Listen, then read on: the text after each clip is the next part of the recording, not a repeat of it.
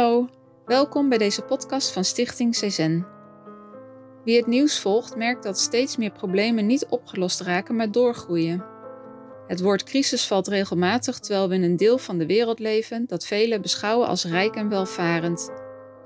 We wonen in een democratische rechtsstaat waarin we vertrouwen op wetenschap en hoogwaardige technologie. Of hebben de crisisverschijnselen die we ervaren daar juist mee te maken? Je gaat luisteren naar een interview van John de Zwart, waarin hij in gesprek gaat met Wim van Dinten en Imelda Schouten over deel 2 van hun boek Realiteit en Werkelijkheid. Ze staan stil bij leefstijlen, problemen en mogelijkheden van deze tijd. Ze geven niet alleen een analyse, maar ook een aanzet tot een andere omgang met onze omgeving en met elkaar.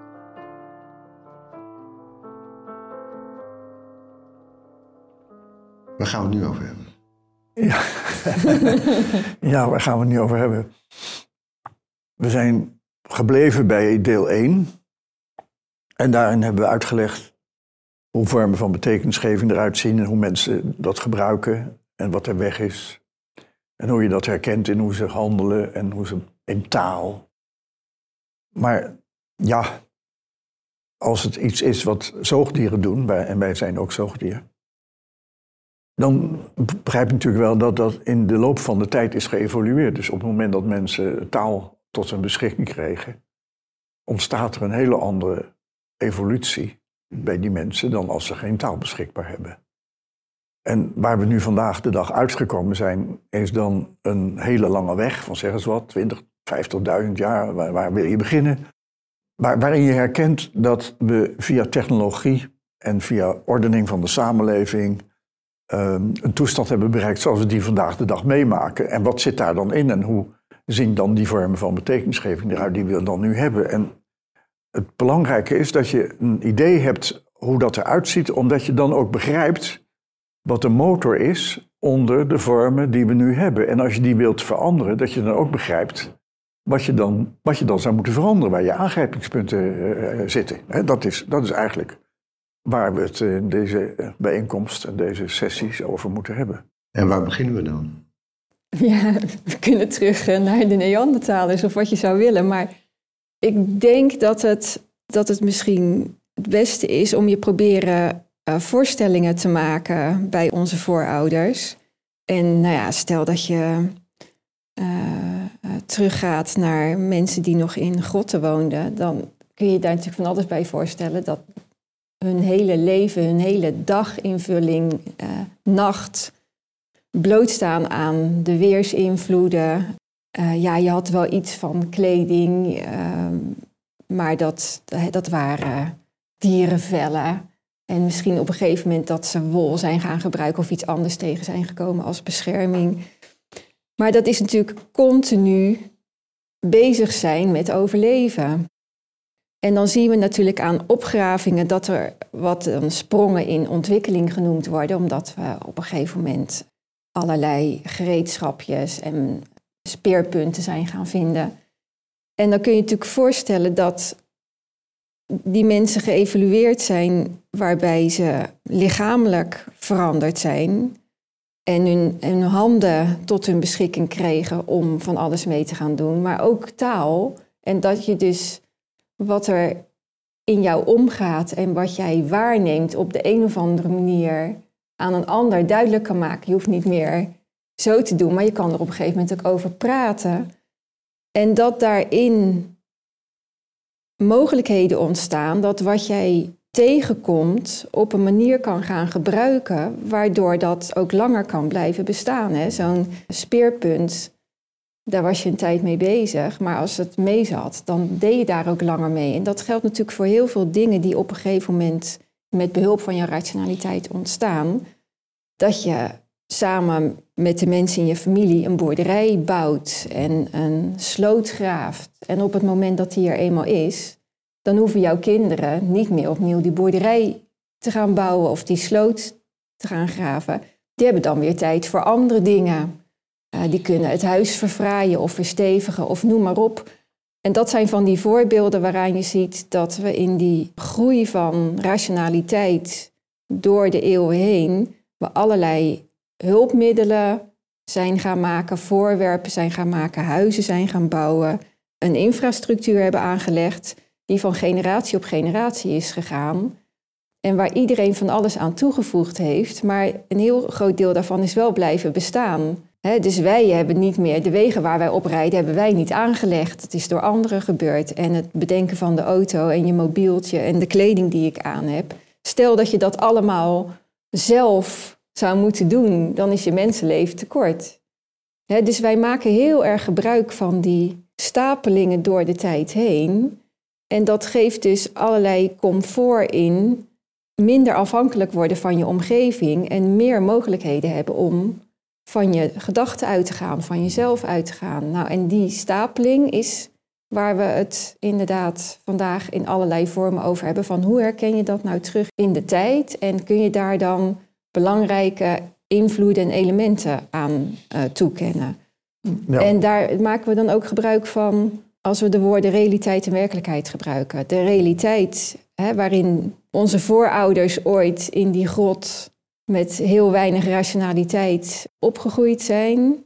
En wij nu in een tijd zitten, nog steeds wel die realiteit ergens ervaren, maar vooral allerlei werkelijkheden die wij vanuit onze uh, scheppingskracht en denkvermogen aan die realiteit hebben toegevoegd. En die stapeling die is veel groter geworden. Daarom is het fijn als je die begrippen tot je beschikking hebt. Nou, en het interessante is dat je die begrippen eigenlijk al tegenkomt bij uh, Aristoteles en Plato. Als je naar Plato kijkt, dan, dan zie je dat hij allerlei denkbeelden uh, lanceert, ordeningen naar buiten brengt. Waarbij hij ook wel laat zien dat je vervreemd van de realiteit. Dus zijn verhaal over de grot is een bekend voorbeeld daarvan. Dat hij laat zien hoe betrekkelijk het is dat je in werkelijkheden leeft en niet verbonden bent met de realiteit. En bij, bij Aristoteles zie je dat hij eigenlijk nooit iets heeft uitgeschreven. Dat hij in school had en dat hij met mensen aan de gang was. En dat hij probeerde te onderzoeken en uit te vinden hoe dan mensen en alles wat leeft in de realiteit met elkaar omgaan.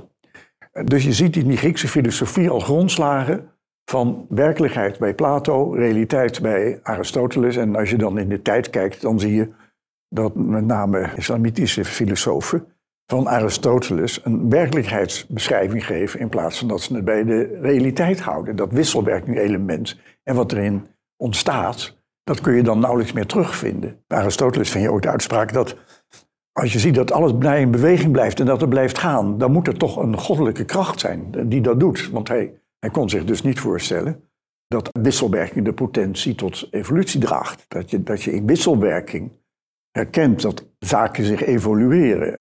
Dus als je die Griekse filosofen ziet en je kijkt naar wat er daarna gebeurd is, dan kom je natuurlijk tegen dat op enig moment mensen met hun rationaliteit en mogelijkheden zo gegroeid zijn dat ze eigenlijk wel zelf willen bepalen hoe zij hun leven willen inrichten en wat voor hen passend is. Ja.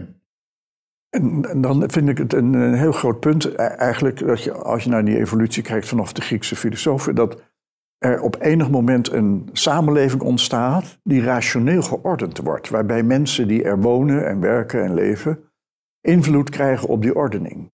Dat staat dan bekend als een democratie. Bij de Grieken zie je dat al opkomen, de beschrijvingen erover, hoe dat dan werkt in de Griekse sfeer. Maar dat het echt als westers element uh, zichtbaar wordt, wordt voor het eerst hard zichtbaar in de Amerikaanse democratische vormen. Dan zie je dat mensen uit West-Europa het niet meer verdragen dat zij de manier waarop zij in de wereld staan ondergeschikt moeten maken aan een heerser. Die dan vertelt hoe die heerser vindt dat zij in de wereld moeten staan. En die wijken uit en gaan naar Amerika. En dan ontstaat daar in Amerika een ontwikkeling die we herkennen als de Amerikaanse democratie. En die is heel erg anders dan de Europese democratie. In die Amerikaanse democratie zie je dat mensen uit verschillende culturen daar samenkomen.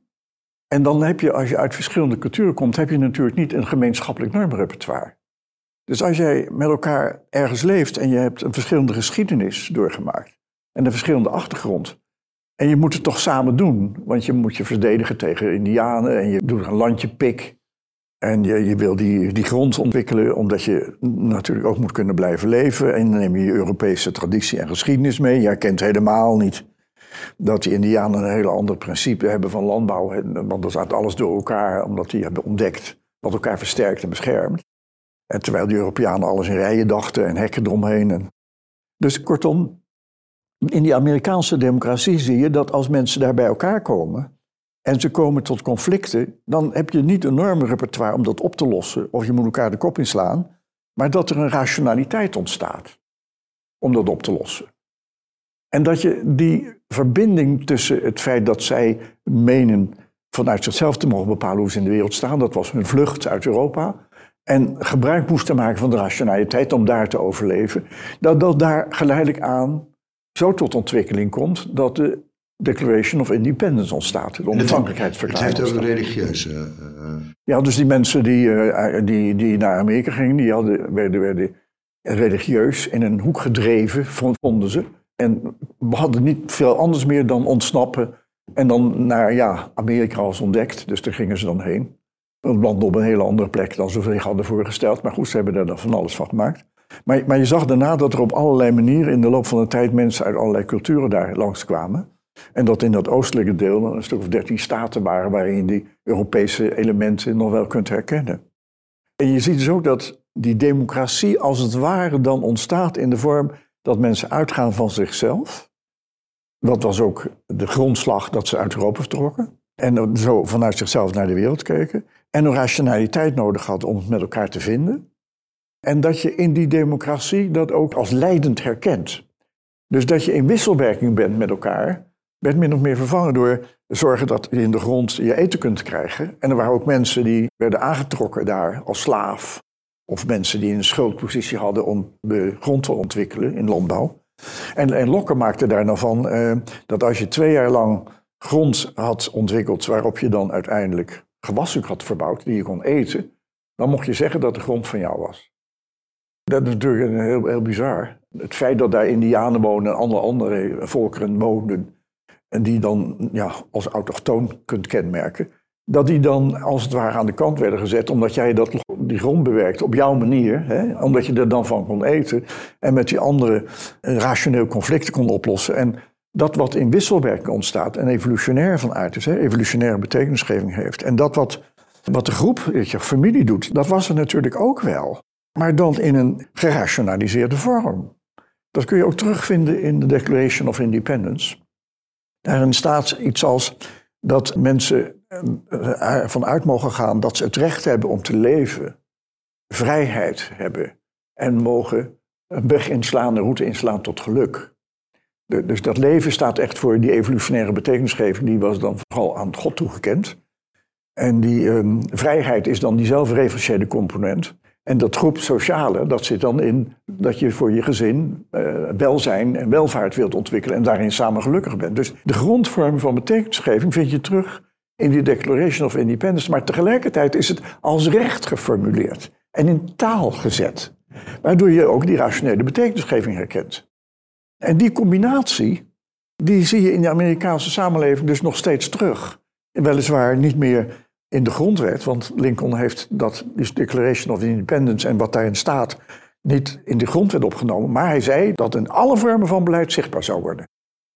En dat is natuurlijk nu, als je, als je nu kijkt om dat beeld even vast te zetten, en dan zie je dat de, de republikeinen die het middendeel van Amerika ja, eigenlijk domineren, dat die heel erg uitgaan van die grondslag, waarbij de grondvormen van betekenisgeving zichtbaar zijn, dus evolutionair, groep sociaal, zelfreferentieel, en de democraten heel erg rationeel aan de gang gaan.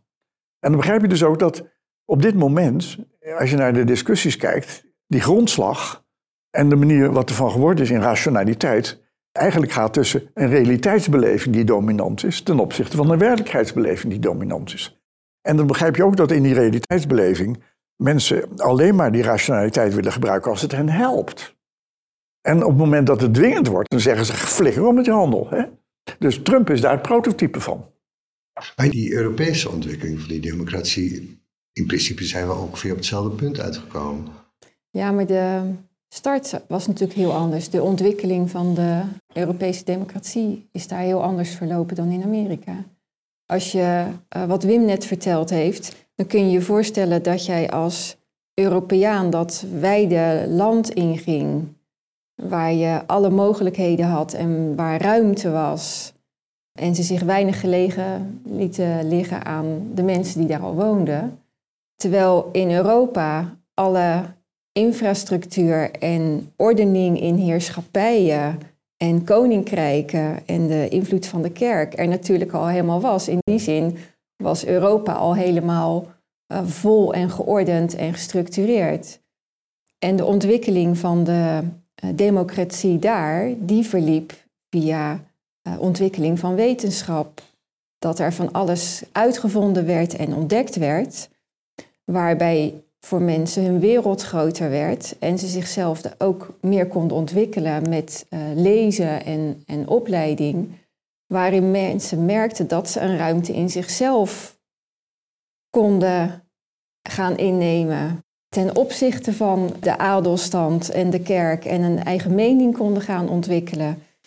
En dan heb je natuurlijk dat in die ordening er iets ontstaat van ruimte voor iedereen die overwonnen wordt over wat er al is. In plaats van dat je in Amerika een grote ruimte hebt waar je helemaal je eigen ding in kan doen. Maar dan is de wetenschap dominant. Ja, dus de ontwikkeling van rationaliteit via het verzamelen van kennis, ontdekkingen, wat uh, weer in tekst wordt neergezet, waar je kan gaan studeren. Dat brengt dan de vrijheid, de ontwikkeling van de rationaliteit. Uiteindelijk zie je wel dat we in deze tijd een democratie hebben die in heel veel opzichten lijkt op die in Amerika, omdat bij ons ook die zelfreferentialiteit, uitgaan van jezelf, ruimte voor jezelf nemen, ook goed ontwikkeld is. Maar de startpositie was een hele andere. Dus daar is vooral het vliegwiel, ontwikkeling van wetenschap geweest. En, welke industrialisatie. zijn dan dominant daarin? Ja, dan denk je natuurlijk gelijk aan Descartes. Die groot geworden is, die we nog steeds citeren als ik denk dus ik ben ik.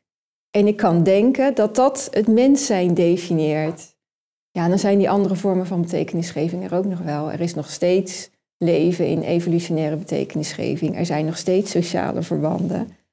Maar die groei en wat we als vooruitgang definiëren en als verbetering zit helemaal aan die rationele kant. Nou, en op grond van dat denken van Descartes en die tijd van de verlichting, daarin is natuurlijk echt zo'n booming ontwikkeling geweest van alles wat je maar kon bedenken. Dus ook de natuur en alles wat daarin gebeurde, probeerde men ook voor te stellen als mechaniekjes, hè, die in wiskundige, natuurkundige wetten te vatten was. Alles werd gerationaliseerd, alles ging door dat hoofd. En dat is natuurlijk een kolossaal verschil met uh, wat we in Amerika gezien hebben. En wat een revoluties. Ja, op een gegeven moment zie je dat die ruimte die je daarin in mensen in zichzelf ervaarde, van dat je uit kan gaan van je eigen meningen, wat je zelf meemaakt en wat je ziet en wat je kan bedenken. En dat wat je kan bedenken ook echt impact heeft. Dat mensen zich daar zo sterk in voelen dat ze dus afstand nemen van de heerschappij die er is. Hm. En in opstand komen en zich daar ook vanuit hun denken in gesterkt voelen dat dat dus gaat overheersen. Nou, dat is natuurlijk, we spreken niet voor niks over een revolutie. En verlichting. De wereld gaat op zijn kop in die tijd. Dus alle, alle structuren en, en tradities waar je aan gewend was, die komen allemaal op de helling. En de verlichting hebben we nu nog steeds. Uh... Ja, daar hebben we nog steeds natuurlijk mee te maken. Alles wat we nog steeds aan vooruitgang en verbetering definiëren, is allemaal rationeel van aard. Ga maar na. En die verlichting zit in alles wat we om ons heen meemaken. Aan geletterdheid, aan industrie, aan wat we aan voorwerpen en, en hulpmiddelen maken. Is nog steeds uitgaan van dat alles wat je kan bedenken en kan maken, dat dat een verbetering is voor de mensheid. Tot op de dag van vandaag. Maar de slogan van de verlichting was toch eigenlijk een mooi uitgangspunt? Wat bedoel je met de slogan van de verlichting? Nou, vrijheid, broederschap en de Franse Revolutie. Ja. Ja, vrijheid, gelijkheid, broederschap. Daar, daar zie je in dat je gaat uit van jezelf en alles wat je kan bedenken. Mensen zijn veel meer gelijk in wat wij allemaal kunnen bedenken. Want we hoeven niet meer in een structuur met een adelstand geholpen te worden. Iedereen heeft de competentie en de mogelijkheid om iets van zijn leven te maken. En daarin zijn we dan ook op de een of andere manier broeders en met elkaar verbonden. Maar dat is natuurlijk vergeleken met dat een kerk bepaalt hoe de wereld eruit ziet. Of een adelstand die bepaalt dat gewoon op grond van geboorte je al veel meer eh, mogelijkheden hebt dan een ander, dat verdwijnt daarmee. Hm. Als je naar die schets luistert, dan zie je dat er dan op enig moment natuurlijk de vraag ontstaat: in hoeverre kun je nou de realiteit benaderen vanuit je hoofd? En in hoeverre eh, kan, kan dat nou niet? Nou, dat is de vraag waar Kant zich mee bezighield. En die had aanvankelijk het idee dat alles wat we meemaken helemaal vanuit je hoofd interpreteerbaar is. Dat zit ook een beetje in de sfeer al van Descartes, dat je ook naar al wat gegroeid is mechanistisch kunt benaderen. Daar heeft hij ontzettend mee geworsteld, want hij vond dat dat heel vergaand waar was. Maar meneer Hume, eh, die een andere filosoof, die zei, nou nee, dat is echt onzin. Heel veel dingen kun je alleen maar opdoen in ervaring. Daar heeft hij nog een jaartje of twaalf mee geworsteld. En toen kwam hij zelf toch ook tot de conclusie dat Hume gelijk had. En toen schreef hij in drie maanden Kritiek de Rein Vernunft. Dat is een topprestatie, ze kreeg het allemaal opgeschreven heeft. Dus hij had het allemaal in zijn hoofd zitten. Maar tegelijkertijd eh, moest hij dan toch wel iets bedenken om het verschil tussen uitgaan van de realiteit en uitgaan van de werkelijkheid met elkaar te combineren. Want dat blijken we te kunnen. We halen die twee begrippen door elkaar, maar je ziet dus dat mensen daar moeiteloos in switchen. Dat zag hij natuurlijk ook. En dat noemde hij ons synthetisch vermogen. Wij zijn in staat om dat moeiteloos te switchen. Dus ik ga de ene moment uit van de werkelijkheid en het andere moment van de realiteit. En dat gaat vlekkeloos door elkaar heen. En dat zie je ook in de praktijk. Die begrippen worden door elkaar gebruikt. Niet in alle talen, maar bij ons is dat zo.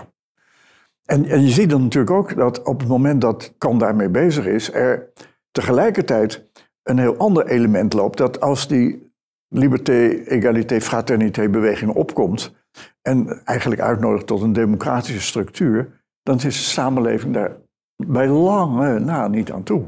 Die samenleving kan die democratische structuur niet invullen en dragen. En de heersende klasse natuurlijk ook niet, want die, die komt heel ergens anders vandaan. Dus wat je zag in het begin van die 19e eeuw is een spanning, zag je groeien. In Frankrijk komen er allerlei lui op en ze slaan elkaar het hoofd in, hakken elkaar de hoofden af. En in, in 1848 eh, komt dan de grote opstand in, in Frankrijk langs. Maar ook in heel Europa zie je die opstandigheid ontstaan. En zie je een doorslag naar democratie. Maar niet in de vorm dat het echte democratieën zijn. Het zijn aanpassingskwesties. Het zijn steeds mijlpalen die je ziet ontstaan. Op weg naar een echte democratie.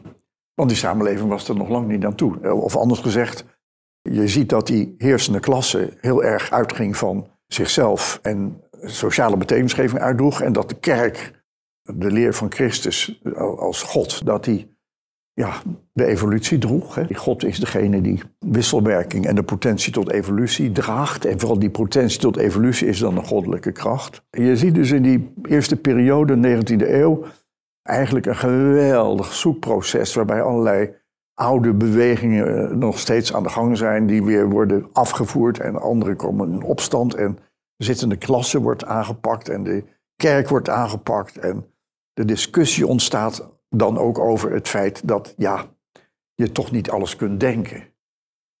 En de grote doorbraak is dan natuurlijk toen meneer Darwin begon. Ja, Darwin die ontdekte natuurlijk uh, voor heel veel mensen bekend de Galapagos-eilanden en zijn beroemde vinken. En die constateerde, na uitgebreid onderzoek, dat er van alles in die gebieden gebeurde en op verschillende manieren, dat die vinken op verschillende plekken er anders uitzagen. En dat dat gewoon toeval was. Dat dat te maken had met welke vink in welke omstandigheid op welk eiland wat te eten had en aan uh, vijanden tegenkwam. En Wallace deed dat aan de andere kant van de wereld, uh, in, uh, in de oerwouden kwam hij eigenlijk tot dezelfde conclusie. Er, er gebeurt van alles in het leven, in een omgeving. En wat daaruit komt, ja, dat is uniek op die plek. En daar heb je eigenlijk geen God voor nodig. Het gebeurt gewoon. En die vorm kan je niet voorspellen. Je kan wel proberen hem waar te nemen en onder welke omstandigheden. Maar ja, het feit dat dat een proces is waar geen God voor nodig is, dat sloeg natuurlijk in als een bom. En je ziet dat de uh, katholieke kerk daar heel erg op een antwoord gebroed heeft. Want ze merkt aan alle kanten dat dat natuurlijk ten koste ging van een machtspositie mm. die opgebouwd was in eeuwen. En dat het antwoord daarop werd van de paus dat ja, je mag vooral rationeel bezig zijn en bezig blijven. Maar alles wat te maken heeft met evolutie, ja, dat is de creatie van God. En daar moet je eigenlijk afblijven. Je moet vasthouden aan dat bijbelse beeld van dat God de wereld geschapen heeft en dat die hele natuur met alle dieren en planten daarin de tuin is voor de mensen. Hè? Het, het hoofdpunt van de, van de schepping. En hij greep zelfs terug op leer uit de middeleeuwen, waarin je maar vooral rationeel wel van alles mag bedenken en alles wat je kan bedenken ook kan maken, allemaal prima. Maar dat stuk wat over evolutie gaat en over wisselwerking, ja, dat is toch meer het domein van de kerk, want de kerk staat dichter bij God. En mhm. daar moet je verder wegblijven. En je ziet dat die machtspositie van de kerk ook later speelde. Wat Wim net zei over uh, dat het een hele tijd duurde voordat die ruimte die mensen konden creëren met hun denken en uitgaan van hun eigen mogelijkheden, dat het heel lang duurde voordat er echt een democratische structuur was, voordat er van alles opgeruimd was. Daar heeft de industrialisatie een hele grote rol in gespeeld. Er kon opeens van alles uit een fabriek komen, uh, in grote omvang. Er kwamen uh, klokken in huis. Er kwam uh, verlichting, allerlei dingen die je als hulpmiddel in een huis kon ervaren. De trein en nog veel later de fiets. Waardoor je geen dier meer had wat je eten hoefde te geven, maar die fiets die stond er en die kon je elk moment pakken om zelf ergens naartoe te gaan. Nou, als je probeert voor te stellen hoe dat een, een ruimte geeft in waar je werkt en waar je naartoe gaat en wat je van de wereld gaat zien, ja, dat ging natuurlijk ook ten koste van de machtspositie van de kerk. En de kerk keek daar weer naar als van, ja, we zien dat er fabriek opkomen en de fabriekseigenaren die verdienen daar goed aan. En dat komt veel minder bij de arbeiders terecht. Het is terecht dat ze daarvoor in opstand komen en dat er vakbonden nodig zijn. Maar verder doen we niks op het terrein wat we eerder hebben geroepen over evolutie. Dat is nog steeds iets waar je af moet blijven. Je ziet wel dat de kerk stapjes zet in waar je blijkbaar met de gelovigen wel mee moet en ze wat ruimte moet geven. Maar dat hele stuk van evolutionaire betekenisgeving, dat is echt al die jaren afgedekt geweest. En, de, de, de, natuur staat ten dienste van de mens. Ja, ja dat komt heel strak naar boven in de christelijke, eh, de katholieke leer dan natuurlijk. Maar je ziet dat toen de opstand in Frankrijk ontstond, dus de periode zo rond 1800, toen was er ook al een meneer Bentham aan de gang in het Verenigd Koninkrijk. En die meneer die ja, zei dat je eigenlijk wel uit mocht gaan van jezelf, maar dat je technologie die er was moest gebruiken voor het meerdere geluk van mensen om je heen. Dat heet ook zijn geluksprincipe. Dat je het utilitarisme dan is dat je, dat je wat is ontstaan gebruikt om iedereen gelukkiger te maken. Niet alleen jezelf, maar vooral ook de samenleving. En, en dat je dan tegelijkertijd in die beweging ook Bentham was een tijd vooruit met allerlei, in allerlei opzichten. Ook met de juridische eh, positionering van hoe de staat dan moest worden ingericht. Maar je zag natuurlijk tegelijkertijd dat in die industrialisatie een groot deel van de mensen die daar hun arbeid leverden, in grote moeilijkheden kwamen met hun gezin. Ze hadden eigenlijk geen inkomen, leefden in krotten. Het was mensonterend. En Bentham ging er overheen in de vorm van dat zal in de tijd wel opgelost worden. Maar er waren tal van mensen die vonden het onverdraaglijk. En ook niet passend bij een democratische notie. Dus als je terugkijkt naar die tijd, dan zie je wel dat het utilitarisme verder doorliep. En dat John Stuart Mill eh, die lijn van Bentham overnam en uiteindelijk ook vastlegde in een boek On Liberty, wat hij in 1859 uitbracht. En waar je dat utilitaire beginsel terugvindt in de vorm dat je mag uitgaan van jezelf, maar wat je presteert wordt beoordeeld aan wat het voor de samenleving betekent. Dus hij probeerde dat evenwicht te vinden. Dat je niet moet uitgaan van jezelf, maar dat je de samenleving ook dominant moet maken. Iets wat je bij Adam Smith al terugvindt. Want iedere keer hoor je dat men het heeft over the wealth of nations. Maar de Theory of Moral Sentiment heeft hij drie keer geschreven. En ging over de vraag of je ondernemers zover kon krijgen dat ze begrepen dat ze de mensen die er werkten een levenswaardig leven moesten geven. En niet mochten gebruiken zomaar als een soort slaaf. En die spanning die zat er nou, eigenlijk heel erg lang in. Dat mensen werden gebruikt. In Amerika eerst als slaven, dat ze ook nog slaven importeerden. Vreselijk, vreselijk. En dat ook heel lang vol weten te houden. Maar dat in Europa het eruit zag dat mensen echt werden gebruikt. En Marx, die in het begin ook dacht dat je ja, in het democratische denken uit moet gaan van de idee dat mensen uit mochten gaan van zichzelf, die kwam er wel achter dat als je die toestand van die mensen aan de voet van de samenleving wilde verbeteren, dat je er dan niet kwam met een theorie of met een beweging. Dat hij zag dat het kapitalisme een soort drijfveerkracht bij ondernemingen die, die daartoe leidde. En hij kwam dus met een, in dat kapitaal, met een theoretische benadering, een systemische benadering, omdat hij dacht dat hij daarmee de zaak kon veranderen. Maar als je betekenis geeft tot je beschikking hebt, dan zie je natuurlijk dat mensen die uitgaan van een doelstelling en dat willen halen, uitgaan van zichzelf en hun rationaliteit gebruiken en dat dan evolutionair een groep sociale betekenisgevend erbij hangt. En dat mechanisme, dat je uitgaat van iets waarbij je van alles negeert en dan je logica op loslaat, ja, dat zat ook al in de manier waarop mensen keken naar de natuur. Dan heb je een verschijnsel en dan laat ik mijn logica op los. Nou, een doel, heb ik een verschijnsel bedacht en dan laat ik mijn logica op los. En de rest is functie. En om dan even een bruggetje te slaan naar deze tijd, als je kijkt naar wat er in Groningen gebeurd is, met die gasbel, dan is dit mechanisme. Dat je een doel stelt en je rationaliteit erop loslaat.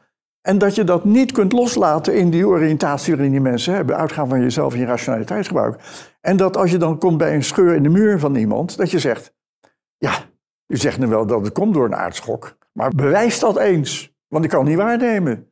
En dan zit je in het hart van wat dan de filosofen noemen de metaphysics of presence en logocentrisme. Uitgaan van een verschijnsel en daar je logica op loslaten. Dat staat natuurlijk haaks op een evolutionaire benadering. En haaks op een benadering je uitgaat van die mensen. Nou, dat beeld domineert de periode eigenlijk van die hele industrialisatie. Met doelstellingen en productie en allerlei dingen negeren en die logica gebruiken en uitgaan van een verschijnsel wat je ziet en laat ik dan de rest op los. En dat zie je dus ook terug in die hele 19e eeuw, waarbij je eigenlijk de industrialisatie kunt herkennen als een beweging waarin dit principe, dus metafysisch of presence en logocentrisme, alles overheerst. Maar dat kun je dus alleen maar een plek geven als je dan vormen van betekenisgeving tot je beschikking hebt. Anders denk je ook nog dat er vooruitgang is. Ja, dat hangt er maar vanaf hoe je vooruitgang noemt. Hè? Dat je het materieel beter wordt. Maar wat je voor de natuur aanricht en wat je voor een mens aanricht, dat valt dan weg, want je moet dat doel halen en er komt geld uit. En... Dus die betekenisgeving in die industrialisatie zit in het hart van het negeren van wat het toe doet, wat filosofen als Heidegger en Derrida dan benoemden als metaphysics of presence en logocentrisme. En dat wil natuurlijk ook zeggen dat als je zo naar de wereld kijkt en je houdt dat vast en je vindt dat dat vooruitgang is, dat je dan natuurlijk voor het probleem komt te zitten. Hoe krijgen we het dan in godsnaam voor elkaar? Dat die mensen aan de voet van de samenleving die zo treurige omstandigheden hebben, hoe komen we daar dan uit? Uiteindelijk, evolutionair gezien, kom je dus op dat punt. Waar we nu zitten, bedoel je? Ja, Ja. in principe dat je uitgaat van jezelf. Ja. Dus blijkbaar is dat dan een mechanisme waar wij als mensen elke keer tegenaan lopen, of niet? Ja, je kan zeggen dat dat de verwachte uitkomst was uit die hele evolutie. Dus wat Wim net schetst, dat op het moment dat je steeds meer van je denken uit kan gaan, steeds minder ziet. En als je iets ziet, dat je dat dan helemaal op een logische manier probeert te beredeneren en alle context verder schrapt. En daar hadden we het al over. Daar heeft de, de kerk ook hard aan meegeholpen dat alles wat evolutionair was, dat moest je bij God laten zitten. Daar hoefde je geen verantwoordelijkheid voor te voelen, hoefde je niet aandacht aan te geven. En alles wat in die industrialisatie plaatsgevonden heeft, wat allemaal nog in spullen en voorwerpen en gebouwen en infrastructuur heeft geleid, je ziet dat dat een, een spiralisering is tot deze tijd. Ja, en daarin voelen mensen wel dat dat niet alles is. Als je kijkt naar hoe jonge mensen naar deze tijd kijken of het aantal burn-out en depressieve gevoelens voor mensen, dat staat natuurlijk ergens voor. op het moment dat er een evenwicht is, mag je verwachten dat dat veel rustiger en beter werkt voor mensen. Maar op het moment dat er iets weg is waar jij niet van geleerd hebt daar woorden aan te geven, of waar je omgeving je niet helpt om naar te kijken en aandacht voor te hebben, Wat er dan overblijft is een gevoel.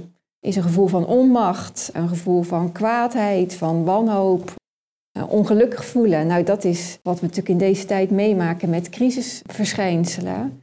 En dan is het eerste punt van wil je naar iets anders toe? Hè? Zou je die evolutie willen doorbreken of afkappen? Dat we daar dan eerst goed naar moeten kijken om het überhaupt te begrijpen en van woorden te voorzien. Want dat kunnen we natuurlijk met onze rationele vermogens. Maar die, bijvoorbeeld die oorlogen, dus je hebt de Tweede Wereldoorlog gehad, dat zou eigenlijk een reden moeten zijn voor iedereen om eens te bedenken van, goh, hoe zou dat nou beter kunnen doen? En dat is natuurlijk na de oorlog ook gezegd. Ja. ja, ja. nou het interessante daarvan is natuurlijk dat in de oorlog heel vreselijke dingen zijn gebeurd, waardoor de conclusie werd getrokken ja, je kunt niet zomaar varen op de moraal van iemand, want die kan hartstikke verderfelijk en vreselijk zijn. En dat de oplossing gezocht werd in het recht. Dus dat was ook weer het zoeken naar een ordening, een rationele ordening, die dan over de samenleving gelegd werd en dat dat dan de oplossing zou gaan bieden. En bescherming. En bescherming, hè? dus dan krijg je een hele bak aan wat dan uh, gelijkheid is tussen mensen. En daar is John Rawls een hele grote geweest in de jaren zeventig, die daarmee bezig is geweest. Die zei, je hebt eigenlijk een overheid nodig die zo objectief mogelijk naar een samenleving kan kijken. En die dan niet moet kijken naar elk individu en de uniekheid daarvan, maar al die verschillende vormen daarvan op een afstand moet houden. Hij moet dat als het ware weghouden en iedereen als gelijk behandelen daarin. En de verschillen mogen er niet toe doen. Rationeel klinkt dat natuurlijk allemaal heel erg goed, maar in de praktijk betekent het dat zoals jij opgroeit en verbonden bent met je omgeving, waarin ieder mens natuurlijk uniek is, juist wat er uniek evolutionair ontstaat, hè, waar Wallace en, en Darwin het al over hebben, dat dat is wat leven mogelijk maakt. En dan komt er een overheid tot stand en een rechtsdenken en wetten die doen alsof wat er evolutionair ontstaan is niet toe doet, alsof alles hetzelfde moet zijn. Ja, daar hou je geen leven meer aan over. Maar je ziet dus dat na de Tweede Wereldoorlog de oplossing gezocht werd in het veralgemeniseren en het gelijk trekken, doen alsof alles hetzelfde is dat daar de oplossing in kwam zitten. Ja, dat, dat werd hem natuurlijk niet. Maar het is wel goed te begrijpen vanuit de ontwikkeling van de mensheid dat er gezocht werd in dat recht wel een oplossing zou bieden. Nou ja, dat zie je ook of je nou kijkt naar de toeslagenaffaire of naar Groningen. Daar lag van alles in wetten en in regels en in procedures vast. Maar waar het nou juist in termen van evolutie en sociale betekenisgeving om gaat, werd daar allemaal in genegeerd. Dat levert het als vanzelf op. Nou, dat is natuurlijk de neiging, dat geldt ook voor de Eerste Wereldoorlog, geldt ook voor de Tweede Wereldoorlog, dat je uitgaat van de narigheid en het geweld en de verstoring die het aanricht. En dat je daar dus niet naar kijkt in termen van een evolutionair proces over betekenisgeving. Dat is waar wij mee komen. En dan zijn die oorlogen natuurlijk wel eerder een teken hoe dan betekenisgeving is geërodeerd bij een groep mensen die aan de macht is gekomen. En het laat onmiddellijk zien, zeker wat de Tweede Wereldoorlog betreft, dat de zwakte van een democratie is dat er een aantal lieden verhalen kunnen gaan houden, waardoor ze een beeld schetsen van een samenleving die je niet zou moeten willen, maar vooral een geheime agenda hebben, zodat mensen stemmen op dat soort volk, zonder te zien dat ze volstrekt onbetrouwbaar zijn en een agenda hebben die je niet moet willen. En toch loopt het volk erachteraan omdat de technologie het mogelijk maakt verhalen te houden die camoufleren wat de echte bedoelingen zijn. En die zwakte van de democratie wordt voor een belangrijk deel veroorzaakt doordat we geen rekening houden met hoe de oriëntatie van mensen eruit ziet en dat helder maken. Dat waar wij mee komen maakt een leider transparant. Je gaat zien waar die voor staat. Dan moet je natuurlijk wel blijven waarnemen wat hij doet en hoe hij dat doet. En je moet de taal kunnen uitlezen. Maar het is tegelijkertijd een bescherming van de democratie tegen dat soort volk, dat maar wat roept. En waarbij je, als je rondom je heen kijkt, die metafysische of presence en logocentrisme buitengewoon dominant geworden is. En dan is dat natuurlijk een rationeel ding. Hè? Maar als je naar de Tweede Wereldoorlog kijkt en ook de periode daar naartoe, maar vooral na de Tweede Wereldoorlog, dan zie je een explosie van technologie die ons verplaatsingsvermogen enorm heeft gepusht. Vliegtuigen, auto's, bussen, treinen, noem maar op. En het idee dat je overal heen kunt vliegen en dat je de hele jaar door allerlei groenten kunt krijgen die niet meer te maken hebben met waar jij leeft, maar dat je het overal vandaan kunt halen. En je wordt door die technologie, door die mobiele technologie, eigenlijk uitgenodigd van jezelf uit te gaan en je rationaliteit te gebruiken om, om die technologie tot gelding te kunnen brengen, om die te kunnen gebruiken. Worden ook drugs bij dan natuurlijk. Hè. Maar eh, daarmee neem je dus wel afstand van de groep waarin je geborgen was. De lokale omgeving, zowel fysiek, plaatselijk, als de mensen die er wonen. Dus je ziet na de Tweede Wereldoorlog twee bewegingen. Eén waar Imel het over had, dat die beweging van het recht mede gevoed werd door de opkomst van computersystemen, waarin alles wordt geëxpliciteerd, rationaliteit wordt neergezet. En je gaat denken dat die vorm ook een mogelijkheid is om in de samenleving dominant te worden. Dat zien we dus nu op allerlei manieren terug. Dat systemen en regels, alles moet worden geëxpliciteerd, is een uiting van die, van die rationaliteit. Die dominantie van rationele betekenisgeving. En alles wordt in geld uitgedrukt. En dan komt erbij dat als die mensen dan ook nog rationeel zijn, dan is de dimensie die betekenis krijgt geld. En daarmee ruil je ook alles af. En deze beweging van technologie, die ik net vertelde, helpt dus om mensen zelfreferentiëler en zelfreferentiëler en zelfreferentiëler te maken. Tot je dan de situatie hebt die we nu hebben, dat in die zelfreferentialiteit je ook gaat zeggen, ja, wat in het verleden gebeurd is, en ik beoordeel dat vanaf nu, met uh, hoe wij vinden dat wat goed is en niet goed is, daar hoef ik niet evolutionair naar te kijken, want dat is weg. De geschiedenis doet er niet toe. Maar wij vinden nu er wat van en vinden dan dat standbeelden die nu gaan over de economische ontwikkeling, bijvoorbeeld in Engeland vanwege de slavernij, weg met die standbeelden. Nou, zo kun je door. Dus je ontneemt de geschiedenis, het gewicht wat het heeft in de evolutie van betekenisgeving. Die zie je dan niet meer. Je, je kijkt naar de dingen zoals jij dat op dat moment vindt en kan er met anderen over spreken die dat niet doen. En die zelfreferentialiteit die zit dus in ongeveer alles. Als mensen heel zelfreferentieel worden en hun rationaliteit gebruiken, dan willen ze ook hebben over modellen, hoe een samenleving eruit moet zien. Dan komt het begrip inclusie langs en diversiteit. En dat zijn gerationaliseerde begrippen om respect te duiden. Ik ben er niet tegen, maar zo ziet het eruit. En het laat dan ook zien dat die rationele, zelfreferentiële vorm eigenlijk nu in Europa ook geworden is, zelfreferentieel rationeel, en steeds meer is gaan lijken op die van Amerika. En dat je natuurlijk dan eh, min of meer het idee krijgt dat het één massa is, westerse wereld, waarin natuurlijk wel die rationaliteit en de zelfreferentialiteit domineren, maar waarin ook nog duidelijker evolutionaire en goed sociale betekenisgeving is afgewaardeerd.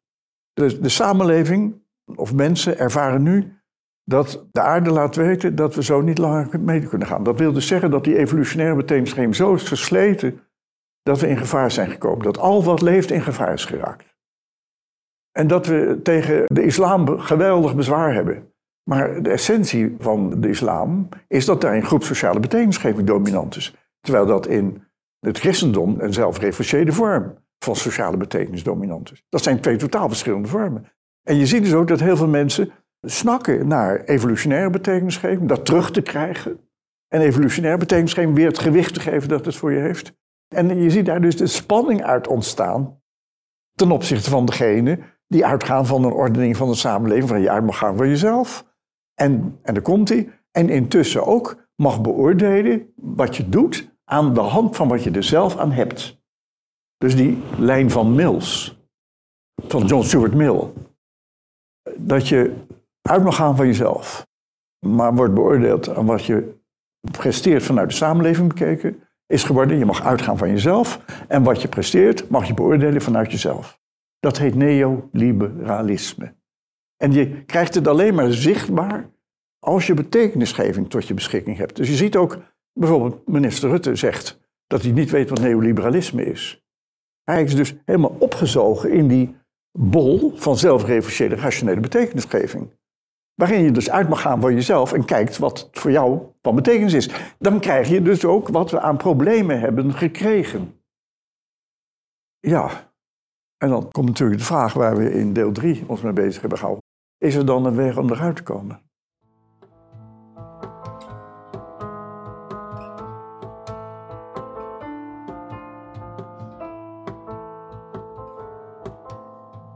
Er is ook een vlog van deze podcast. Klik daarvoor op de link die je vindt in de omschrijving. Heb je een vraag of wil je in gesprek raken met ons en andere lezers van het boek Realiteit en Werkelijkheid? Stuur een berichtje naar czen.czen.nl of via Facebook, LinkedIn of Twitter.